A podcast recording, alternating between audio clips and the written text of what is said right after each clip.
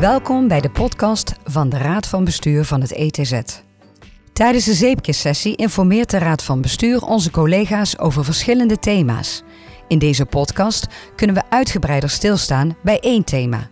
Een thema uit de portefeuille van het betreffende Raad van Bestuurslid.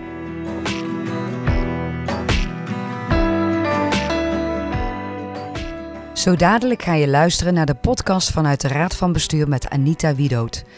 Toen deze podcast is opgenomen, was nog niet bekend dat zij het ETZ in het najaar van 2023 gaat verlaten. Desalniettemin is haar boodschap actueel en uit haar hart gegrepen en verkondigt ze niet alleen haar eigen mening, maar steunen haar collega-raad van bestuursleden deze mening. Veel luisterplezier.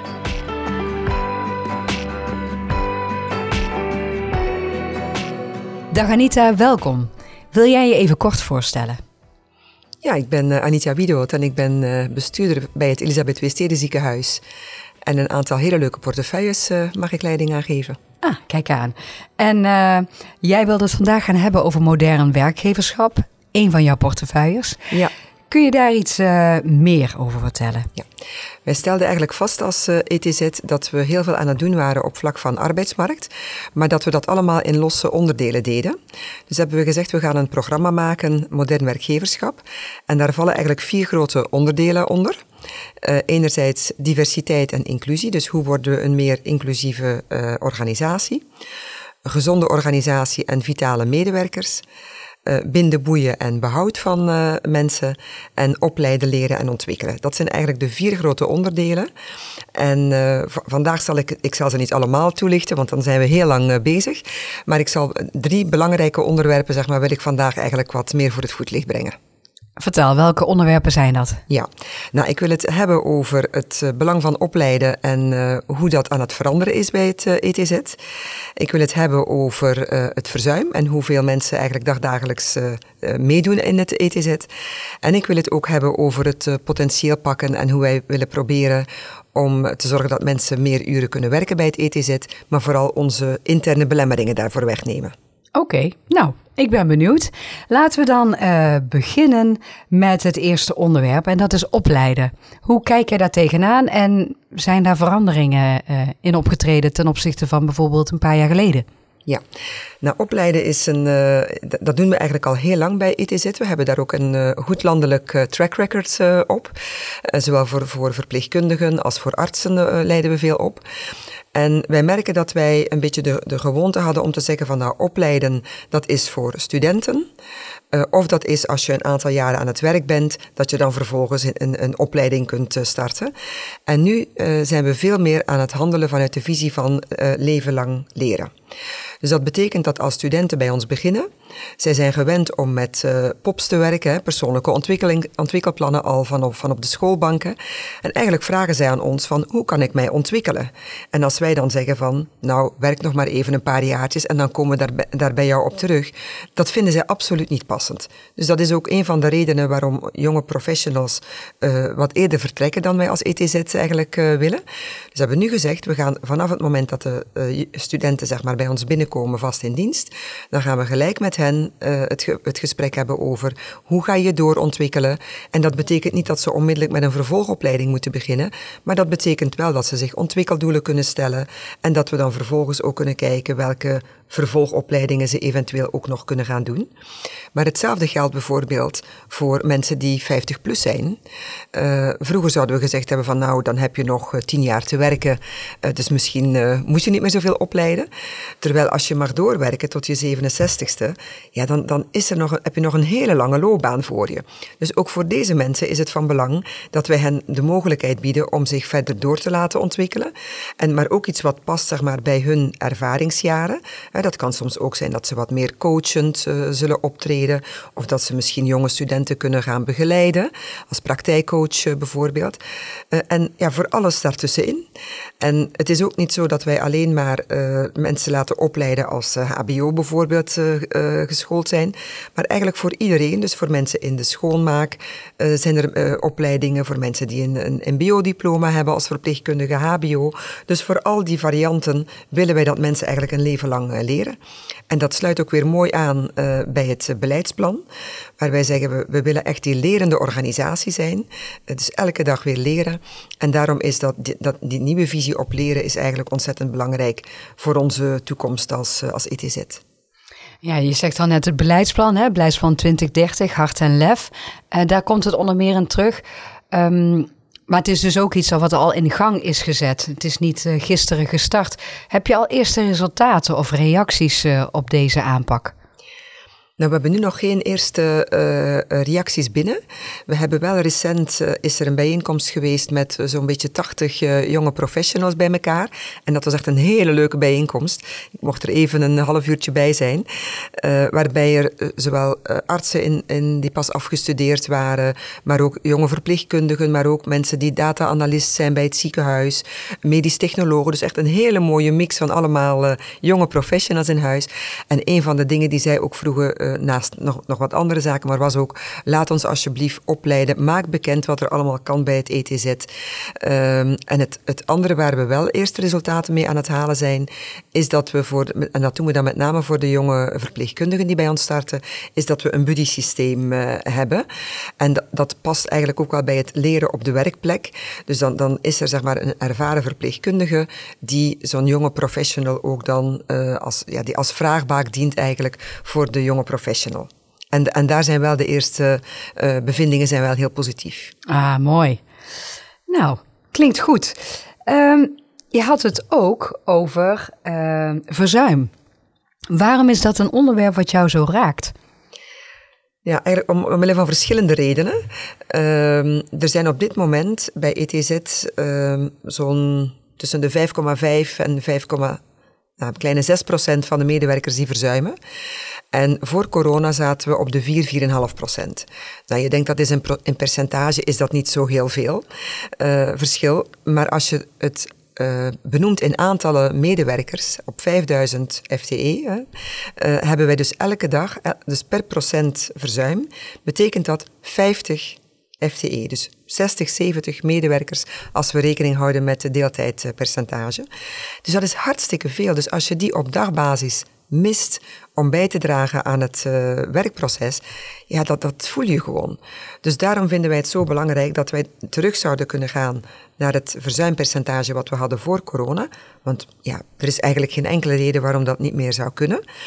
En hebben we gezegd, we gaan daar dus uh, echt een programma ook op zetten, met ook wat, wat extra interventies op. Vanuit uh, eh, HR is dat, om met name de afdelingen die een hoog verzuim hebben, om die extra te begeleiden, te kijken van wat speelt er daar, spelen er misschien nog andere dingen die het moeilijk maken voor mensen om terug te komen naar het arbeidsproces.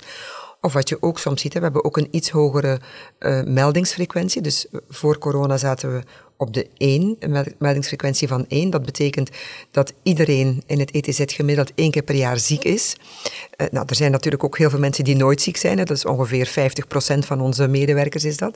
Dus dat betekent dat anderen dan vaker ziek zijn. Maar waarom is dat? En waarom is dat op de ene afdeling meer dan op de andere? Dus dat, dat, daar zoeken we dus naar wat de oorzaken zijn. En dan gaan we ook op die oorzaken ingrijpen. En vroeger was het zo dat je kon zeggen van we gaan daar wat hulp voor de individuele medewerker uh, aanbieden. Maar wat we nu merken is dat het ook vaak over andere dingen gaat. Bijvoorbeeld dat mensen zich eh, ziek melden of dat, er al langere tijd iets een beetje borrelt, uh, wat niet goed gaat, maar dat, dat ze dat nog niet durven bespreken met een leidinggevende. Dus we, we proberen ook de leidinggevende extra te scholen om dat soort gesprekken te kunnen voeren. Maar ook de medewerker zelf verantwoordelijkheid te laten nemen voor zijn gezondheid. Ben ik lichamelijk gezond. Ik bedoel, je hoeft geen topsporter te zijn bij ETZ, maar een beetje bewegen helpt wel om, om, om eh, goed in conditie te blijven.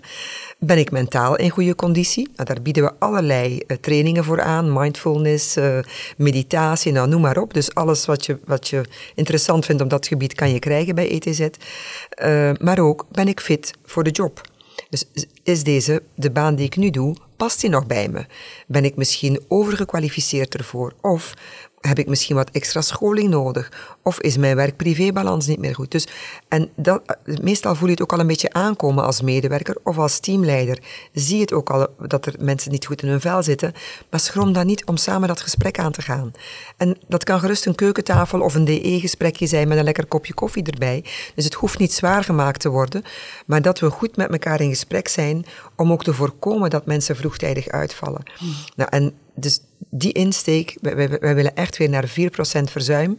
Daar zal waarschijnlijk wel wat tijd voor nodig zijn, maar we willen echt zorgen dat we een gezonde organisatie zijn. we werken in de gezondheidszorg, dus we moeten ook echt een gezonde organisatie zijn. Ja, mooi. En ik hoor jou ook vooral een oproep doen om maak het bespreekbaar en laten we met elkaar kijken in gesprek met je leidinggevende. Wat kan er vanuit het ziekenhuis worden gedaan en wat kun je zelf voor verantwoordelijkheid uh, daarin nemen? Precies dat. En zowel de verantwoordelijkheid van de medewerker om het gesprek aan te gaan met de teamleider, maar ook andersom, als je als teamleider denkt van hier, hier speelt iets, weet je, de vraag stellen, eh, dat, dat, dat uh, kan altijd. Dus, en dat open gesprek, uh, luisteren, dus voor medewerkers is het zo, ook zo belangrijk dat ze zich gehoord voelen door een direct leidinggevende. Dus het moet niet ingewikkeld, het is geen ingewikkeld gesprek, het is eigenlijk een gesprek van mens tot mens, wat we volgens mij in ETZ uh, allemaal heel goed uh, doen. Ja, mooi. Dan maak ik toch nu het bruggetje naar uh, het laatste thema wat jij graag wilde bespreken. En dat is het potentieel pakken. Wat betekent dat? Ja, nou, het Potentieel Pakken is een landelijke stichting die ook gefinancierd wordt door het ministerie van VWS. En het potentieel staat hier dus voor uh, mensen die in deeltijd werken, die eigenlijk wel meer zouden willen werken, maar die dat niet kunnen omdat er belemmeringen zijn in de organisatie. En dan moet je in ons geval bijvoorbeeld denken, uh, misschien is het goed om dat even te melden, mensen werken gemiddeld bij het ETZ 27, 28 uur per week. Ik, dacht zelf dat dat meer was. Uh, en dan wordt er vaak gezegd van, nou ja, weet je, mensen willen niet meer werken. Dat kan in een bepaalde levensfase, kan dat passend zijn. Maar wij hebben ook zelf barrières in het ziekenhuis daarvoor. Uh, bijvoorbeeld, één afdeling heeft uh, maar een vacatureruimte voor 24 uur. En als die afdeling dan gaat werven, dan werven ze iemand voor 24 uur. Terwijl die persoon misschien wel 32 of meer uur wil werken. Maar dan hebben we ook een flexpool van waaruit je dan dus ook op andere afdelingen kunt werken. Mensen vinden dat altijd wel een beetje spannend, ze horen graag bij een team, maar we kunnen ook mensen begeleiden om naast die hoofdbrok ook gewoon met veel plezier op een andere plek te kunnen werken. En dat is ook weer erg leerzaam, dus dat past ook weer bij het leven lang leren, dat je ook blijft leren van elkaar. Een ander voorbeeld is, als je bij ons 32 of 36 uur werkt, dan word je volgens een redelijk strak rooster ingeroosterd. Terwijl sommige mensen zeggen, ik wil misschien wel 36 uur werken, maar ik voel mij, ik voel niet zo lang als dat strakke rooster er is. Dus waarom kunnen wij dan niet meer maatwerk gaan bieden? Nou, als ik dat bespreekbaar maak met teamleiders, dan zeggen ze, ja, maar als ik dat voor persoon X doe, dan moet ik dat ook voor persoon Y kunnen doen. Maar dat is eigenlijk een beetje oud denken. Want het nieuwe denken is, iedereen die wij bij het ETZ kunnen laten werken en voor het maximale aantal uur wat men wil, ja, die moeten we eigenlijk binnenhalen. En dat maatwerk, dat zal dus veel meer en meer bij de toekomst van het ETZ horen. En dat maakt ook dat teams daar een beetje soepel ook uh, naar elkaar toe zullen moeten zijn. En het is niet omdat één iemand zeg maar nu een, een flexibele afspraak kan maken, dat die dan voor de eeuwigheid weer vast ligt. Een ander iets wat we zien is dat als uh, uh, vrouwelijke uh, verpleegkundigen bijvoorbeeld wat minder gaan werken op het moment dat er kinderen komen. Trouwens, gelukkig kiezen ook sommige mannelijke collega's daar ook meer en meer voor. Dus laat het mij over ouders hebben, dus ouders met jonge kinderen die wat minder willen werken. Wat je ziet is dat zij ook vaker, als, ze dan, als de kinderen dan wat groter worden, uit gewoonte toch ook zo minder blijven werken. Terwijl als je 50 bent en de kinderen zijn het huis uit, hoe leuk is het dan om dan vanuit vrijheid gewoon uh, weer naar 28 of 32 of misschien zelfs 36 uur te kunnen werken. Dan heb je nog een zee van vrije tijd daarbuiten. En dus dat soort teamdialogen zullen worden begeleid door het potentieel pakken. En we gaan nu piloten op vier afdelingen.